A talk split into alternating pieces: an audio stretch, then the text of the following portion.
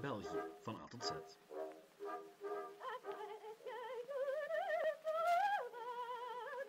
Welkom bij Geschiedenis van België. En welkom bij aflevering 2 over de schoolstrijd. In aflevering 1 schetsten we de context van het Belgisch onderwijs na 1830, het compromis van 1842 en de democratie van het vroege België.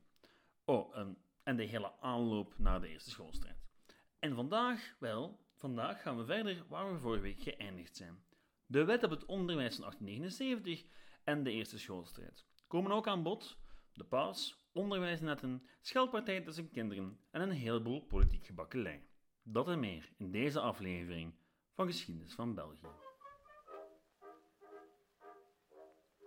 Laat me simpelweg verder gaan waar we gebleven waren. Nu, u hebt misschien wat nood aan context, maar die kan u vinden in aflevering 1. Wij waren gebleven bij de katholieke reactie op de schoolwet van 1879. En die katholieke reactie die wordt mooi verwoord door de Belgische bisschoppen in volgende mededeling. Geen enkel gezinshoofd kan een geweten zijn kinderen plaatsen in een openbare school die onderworpen is aan de nieuwe wetsregeling, als er in de gemeente ook een katholieke school bestaat. Als er in de omgeving één is die voor hun kinderen bereikbaar is, of als zij in de mogelijkheid zijn op een andere manier in hun onderricht te voorzien. In een zeer nabije toekomst zal er in elke parochie een perfect georganiseerde katholieke school bestaan. In alle uitzonderlijke gevallen zal het gezinshoofd zich tot zijn pastoor wenden, die, na de redenen aanhoord te hebben, rapport zal uitbrengen bij het bisdom. De bisschop zal daarop beslissen. En daar hebt u het. De plannen van de katholieke kerk om de nieuwe onderwijswet van 1871 tegen te gaan was boycotten. Het openbaar onderwijs boycotten. Want van elke goede katholiek werd voortaan verwacht dat hij zijn kinderen naar een katholieke school stuurde. Maar daar stopte de boycott niet. Daarbovenop verboden de bisschoppen aan alle gelovigen om mee te werken aan het openbare onderwijs. Wat het voor de publieke scholen heel moeilijk zou moeten maken om aan leerkrachten en leerlingen en kuisvrouwen en dergelijke te raken. Nu, de reactie van de regering eind 1879 was nog redelijk optimistisch. Of zoals premier Ferrer-Ban het zelf verwoordde in de Kamer, de katholieken zullen activiteiten niet kunnen volhouden. Geweld blijft niet duren, maar offers ook niet als een bepaald limiet bereiken. Het is gewoon onmogelijk, want in geen enkel land volstaan individuele inspanningen om aan de onderwijsnoden van de bevolking te voldoen. Sedert 30 jaar hebben wij 100 miljoen frank uitgegeven aan de bouw en de inrichting van nieuwe scholen, en er moet nog veel gedaan worden. De jaarlijkse uitgaven voor deze scholen bedragen momenteel 16 tot 17 miljoen frank. Wel, laat ons veronderstellen dat hij met de helft toekomt en veelzijdiger te werk gaat, dat hij voor scholen schuren en andere lokalen neemt, die in mindere mate gunstig zijn voor de gezondheid van de leerlingen. Van wie gaat u al dat geld krijgen? Orban was er met andere woorden van overtuigd dat men uiteindelijk zou kiezen voor het staatsonderwijs. Al was het maar omdat dat het de meeste middelen had, want het werd nu eenmaal betaald door de belastingsbetaler. En Orban was uh, helemaal fout. Helemaal fout voor twee zaken. Ten eerste had hij het katholiek fanatisme van de gemiddelde Belg volledig verkeerd ingeschat. En ten tweede had hij ook de bereidheid van de katholieken om alles op alles te zetten over het hoofd gezien. Want dat was exact wat men deed. In een eiltempo werden er vrije, lees katholieke scholen, opgericht. Nu, vandaag zijn niet alle vrije scholen katholieke scholen, maar vroeger was dat wel anders. Nu, die nieuw opgerichte katholieke scholen die werden onmiddellijk bevolkt door leerkrachten en leerlingen. Vaak beiden afkomstig uit het openbaar onderwijs. En pas als je de cijfers ziet, kan je echt beseffen wat voor impact de schoolstrijd had. In 1878 ging slechts 13,1% van de leerlingen naar vrije school. 13,1. Eind 1880, twee jaar later, hou je vast, 63,5%. In echte cijfers zijn dat 580.380 leerlingen in het vrij onderwijs tegenover 333.501 in de openbare scholen. Wat wil zeggen dat meer dan 200.000 leerlingen verkasten van het openbare naar het vrije onderwijs. Net als meer dan 1400 leerkrachten. En die cijfers zijn om van uw stoel te vallen. Nu, in het huidige België, met de huidige demografie, maar zeker toen, toen die bevolking nog een stuk kleiner was. Nu, die cijfers zijn ook om van uw stoel te vallen en de liberalen die deden dat ook. Want ja, hadden zij de situatie even verkeerd ingeschat. Misleid door de uitslag van de verkiezing van 1878 had men een programma doorgevoerd waar, achteraf gezien, het grootste deel van de bevolking het niet mee eens was. Wat ergens wel logisch is als je beseft dat het electoraat van die tijd slechts 2% van de totale bevolking vertegenwoordigde. En toch is het ronduit indrukwekkend dat het woord van de bisschoppen zo zwaar doorwegen kon. Nu trap ik waarschijnlijk een open deur binnen als ik verklaar dat de hele affaire met een hedendaagse blik amper te begrijpen is. Want religie was nog van levensbelang en het geloof bepaalde nog het wereldbeeld en het mensbeeld. En dat is vandaag de dag in Vlaanderen, België, West-Europa voor het merendeel van de bevolking niet meer zo. Religie bepaalde nog alles. Voor de meeste mensen toch. En dus ook naar welke school men de kinderen sturen.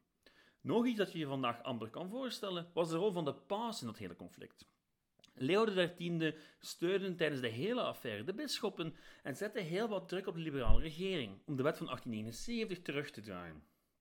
En niet alleen was de regering Orban doof voor de bezwaren van zijn heiligheid, maar in 1880 was de goedheilige man zelfs zo beu dat de Belgische regering de diplomatieke banden met het Vaticaan verbrak. Nu, ja, dat bracht weinig zoden aan de dijk voor de liberalen. Al in 1880 was het voor neutrale toeschouwer duidelijk dat liberalen het pleit zouden verliezen. Maar desalniettemin ging de schoolstrijd nog een hele tijd door. Met alle gevolgen van dien, want die schoolstrijd was ook echt een strijd. Geen gewapend conflict, op een paar relletjes na, maar echt wel een politiek conflict. Want de taal die door de katholieke pers en de bisschoppen gebruikt werd, deed al vermoeden dat het meer ging dan een heftig debat. Het ging om een ideologische strijd tussen twee kampen die voor het eerst sinds het ontstaan van België werkelijk iedereen dwongen partij te kiezen. Nu, de vraag is dan, hoe kan het dat dat ene kamp het andere op zulk verpletterende wijze wist te verslaan? Want ja, dat is wat de cijfers onduidelijk vertellen.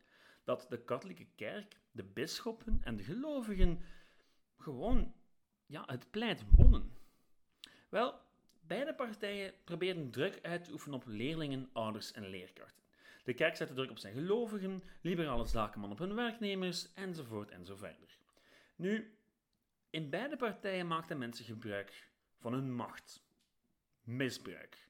Ze maakten gebruik van de positie die ze hadden om iedereen die hen niet verschuldigd was in het eigen kamp te dwingen. Die materiële aanpak paste beide kampen toe, maar eigenlijk was het de maatschappelijke druk die waarschijnlijk de doorslag gaf. En die maatschappelijke druk die kwam vooral van de katholieke kant. Feit is dat in een maatschappij die nog doordrenkt was van het katholicisme, het, kant, het katholieke kamp simpelweg over meer slagkracht beschikte dan het liberale. Priesters spreekten tegen de schoolwet en zowel liberalen als katholieken maakten huisbezoeken om twijfelden te overtuigen, maar feit is dat die priesters en andere katholieken gewoon meer impact hadden. Want in een katholieke wereld was het ondenkbaar om uitgesloten te worden door de volledige gemeenschap. Want dat was wat er gebeurde met zij die voor een openbare school kozen. De volledige uitsluiting uit de katholieke gemeenschap. De weigering om het vormsel te ontvangen. De weigering om het ziekenzalsel te ontvangen. En dat alles maakt het voor het openbaar onderwijs zeer moeilijk om zijn klassen vol te stoppen met leerlingen. Eigenlijk een geluk, want aan leerkrachten raakte men even min. In zeer katholieke regio's bijvoorbeeld was het gemeentebestuur vaak nog volledig katholiek en weigerde het simpelweg om een onderwijzer in een openbare school aan te stellen. Waardoor de inspectie of de minister het moest doen. En dat duurde natuurlijk een hele tijd. Daarbovenop werd het uitbetalen van die onderwijzers van het openbaar onderwijs ook nog eens zo lang mogelijk uitgesteld. En dus werd er werkelijk met alle vreedzame middelen gestreden. En die strijd ging ook veel verder dan het onderwijs.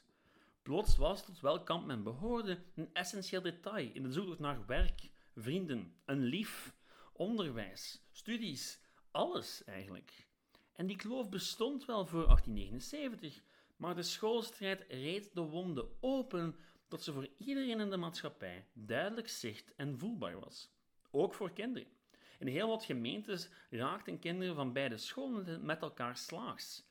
In Gids ging het zelfs zo ver dat de gemeentelijke onderwijzer een brief stuurde naar zijn katholieke evenknie om zijn leerlingen aan te manen de leerlingen van de openbare school niet langer aan te vallen met stokken en stenen.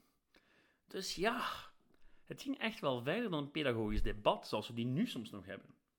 Nu, die eerste schoolstrijd was niet eindeloos. Hij eindigde in 1884 met verkiezingen. Verkiezingen die liberalen op indrukwekkende wijze verloren. De oorzaak van die nederlaag is niet volledig duidelijk. Gezien de context hebben sommigen het over een volledige afwijzing van de schoolwet door het lectoraat. Maar waarschijnlijk is het zo dat het vooral de gigantische investeringen waren in het neutraal onderwijs die ja, de nederlaag veroorzaakten. Want, uh, wel, die gigantische investeringen die veroorzaakten een put in de Belgische begroting. En die put in de Belgische begroting die moest gedempt worden met belastingsverhogingen. En net als de Belgen van vandaag konden de Belgen van de 19e eeuw, liberaal of katholiek, een belastingsverhoging moeilijk slikken. Weinig veranderd op een bepaalde manier. Nu, wat het ook was, feit is dat na die verkiezingen van 1884 de politieke kaarten grondig herschud werden. Zo grondig dat de katholieken aan de macht kwamen. En aan de macht zouden blijven tot 1914, met een absolute meerderheid. Wat betekent dat de schoolstrijd onrechtstreeks leidde tot een periode van 30 jaar waarin de katholieke partij helemaal alleen aan de macht was. Wat ons tot de volgende vraag brengt. Wat deed de katholieke partij met al die macht? Zocht ze een compromis om zo de strijdbijl definitief te begraven? Draaide ze de klok terug naar de wet van 1842? Of dokterde ze een nieuwe visie uit voor het Belgische onderwijs? Wel, um, in 1882 leek het er even op dat dat laatste een optie was. Jules Malou, de katholieke kopman en een deel van de katholieke pers, had het toen over het subsidiëren van zowel het katholiek als het neutraal onderwijs, naar rato van het aantal leerlingen. Een oplossing die men in 1884 opzij schoof, maar die later, spoiler alert, de basis van het Belgische onderwijs zou worden. Tot op de dag van vandaag. Maar, daar kom ik, mij kennende, nog uitgebreid op terug. Maar wat deed men dan wel in 1884? Wel, men ging inderdaad terug naar 1842, maar niet volledig. De gemeente mocht opnieuw vrije scholen aannemen in plaats van zelf een openbare school te onderhouden. Wat natuurlijk betekende dat in gemeentes met een katholieke meerderheid de openbare scholen simpelweg gesloten werden en men nam gewoon een van de vele vrije scholen aan. En tegelijkertijd was er net iets meer respect voor de tegenpartij. En kon een groep ouders neutraal of katholiek onderwijs eisen als ze met minstens 20 waren. Dat is ver van een vrije schoolkeuze, maar tenminste een begin. Nu, dat wil helemaal niet zeggen dat de spanningen rond het Belgisch onderwijs daarmee dood en begraven waren. Net als de katholieken bij het aannemen van de wet van 1879, protesteerden liberalen bij het aannemen van de wet van 1884. En dat deden ze met zoveel overgave dat het leidde tot rellen in Brussel en elders rellen tussen liberale betogers en katholieke tegenbetogers. De gemoeden raakten zodanig verhit dat de regering Malou ontslag nam. 132 dagen na haar aanstelling. Malou werd opgevolgd door Bernard en die prefereerde een meer gematigde aanpak. Hij wist uiteindelijk de situatie te laten kalmeren. Op nationaal niveau in elk geval. Op lokaal niveau zouden de naweeën van de schoolstrijd nog decennia lang blijven nasluimeren. Vooral daar waar katholieke gemeensbesturen een revanchistische politiek voeren. Op nationaal gebied bleef het rustig tot na de Tweede Wereldoorlog, wanneer de schoolstrijd terug in alle hevigheid zou losbarsten. Nu, het duurde dan wel 60 jaar tot de schoolstrijd echt hernomen werd, maar de katholieke partij was wel aan de macht en zij voerde haar beleid ook wel door. Een goed voorbeeld daarvan is de schoolwet van 1895. Na de verkiezingen van 1894 voelde de katholieke partij zich sterk genoeg om het laken op onderwijsvlak nogmaals naar zich toe te trekken. En dat deden ze dan ook, met de schoolwet van 1895. Die schoolwet zorgde ervoor dat niet alleen katholieke scholen die aangenomen werden door lokale besturen gesubsidieerd konden worden, maar ook zij die aan de voorwaarden voldeden, die dus aanneembaar waren. Wat er eensklaps voor zorgde dat een groot deel van de vrije scholen staatssubsidies konden binnenhalen. Dus katholieke scholen, heel veel katholieke scholen, kregen plots geld van de overheid en waren niet meer louter een privé-initiatief van rijke sponsors en van de bisschoppen. Nu, goed, desondanks zaten de katholieken nog allerlei zaken vast. Want, wel, er was natuurlijk nog geen gelijke subsidiëring voor het vrije en openbare onderwijs. Die aanneembare scholen kregen nog steeds minder dan aangenomen scholen en openbare scholen. En dat heikelpuntje werd op een bepaald moment aan een ander onderwijsthema gekoppeld. De leerplicht. De leerplicht simpelweg. Iets waar wij als kind misschien een hekel aan hebben gehad, zijnde het feit dat je als kind naar school moet. En niet in de fabriek of op het veld moet gaan werken. Nederland voerde die leerplicht al in in 1900. Frankrijk nog vroeger, 1882. Luxemburg in 1881. Engeland 1870. Duitsland nog vroeger. En Japan in 1907. En België? Wel, in, um, in 1914. En zelfs dan nog met hevige parlementaire debatten. En het nodige drama. Wat me de vraag doet stellen, waarom eigenlijk? Want was België geen relatief progressief land? Hè? Een vooruitstrevend land? Wel, um, kijk, die wet lijkt heel logisch in moderne ogen. Zeker als je een blik werpt op de statistieken van die tijd. Als je weet dat in 1900 75% van de kinderen tussen 6 en 14 jaar niet naar school ging, en die kinderen werken moesten, op het veld, in de fabriek en elders. En de helft die wel naar school ging, die deed het voor minder dan 4 jaar. Dus ja, de geletterdheid was gering. De mogelijkheden tot, tot sociale promotie was heel gering. Maar wat hield de leerplicht dan tegen? Wel, Ten eerste wouden heel wat leden van de burgerij de overheidsinmenging in het dagelijks leven vermijden. Te verstaan vanuit hun standpunt natuurlijk, maar dat was niet het grootste probleem. Het grootste probleem was de schoolstrijd. Want voor liberale socialisten kon die leerplicht enkel als die nieuwe houders leerlingen een plekje konden vinden in het openbaar onderwijs. Want, zeiden zij, ja, je gaat die leerlingen toch niet overgeven aan de katholieken. Want zij gaan enkel brainwashen. Je voelt, de schoolstijd is nog niet volledig gaan liggen op dat moment. En de katholieken wouden ook geen leerplicht doorvoeren, want hun idee was, wel, al die leerlingen, die moeten godsdienstig onderwijs krijgen. Zij moeten opgevoed worden tot godsvruchtige burgers. Nu goed, uiteindelijk bleek de nood te groot. En slaagde men erin, met een verhoging van subsidies voor het katholiek onderwijs, ook de meest conservatieve katholieken aan boord te krijgen. Maar eerlijk, dat had lang geduurd. Te lang. Slechts in 1914 werd de schoolplicht eindelijk goedgekeurd en konden een heleboel kinderen de fabriek uit, het veld af en de schoolbanken op. Zij het enkel van 6 tot 14 jaar verplicht, maar goed, het was beter dan niets. Nu, de volgende vraag is dan: had men in 1914 eindelijk een oplossing gevonden voor het hele debat wat betreft de inrichting van het onderwijs? Wel, uh, nee. Enkel een tijdelijk status quo. Een nieuw tijdelijk status quo. Tot maatschappelijke ontwikkelingen nieuwe eisen zouden stellen aan Belgisch onderwijs en elk mogelijk antwoord nog maar eens onderworpen zou worden aan een hevig ideologisch debat over de rol van de staat in het onderwijs, de rol van de kerk in het, in het onderwijs en de scheiding van kerk en staat. Iets dat van in het begin in de Belgische grondwet stond, maar dat men tot na de Tweede Wereldoorlog echt wel moest gaan interpreteren. Maar dat, liefste luisteraars, is voor volgende week. Dan trekken we de, dan trekken we de tweede schoolstrijd in en komen we uiteindelijk bij het schoolpact. Nu zou ik u graag nog bedanken voor het luisteren en voor zij die het al gedaan hebben, voor het liken en volgen van de Facebookpagina. Dat doet me bijzonder veel deugd om te luisteren naar jullie commentaren en ook gewoon te weten wie er naar me luistert. Op die Facebookpagina kan u trouwens ook altijd terecht voor al uw geschiedenisgerelateerde vragen en ook voor de bronnen van deze aflevering, die ik altijd post als zo een mini-reeksje gedaan is. U kan ook al uw vragen opsturen naar het e-mailadres geschiedenis van, geschiedenis van Ik antwoord op alles, al duurt dat soms wel eventjes.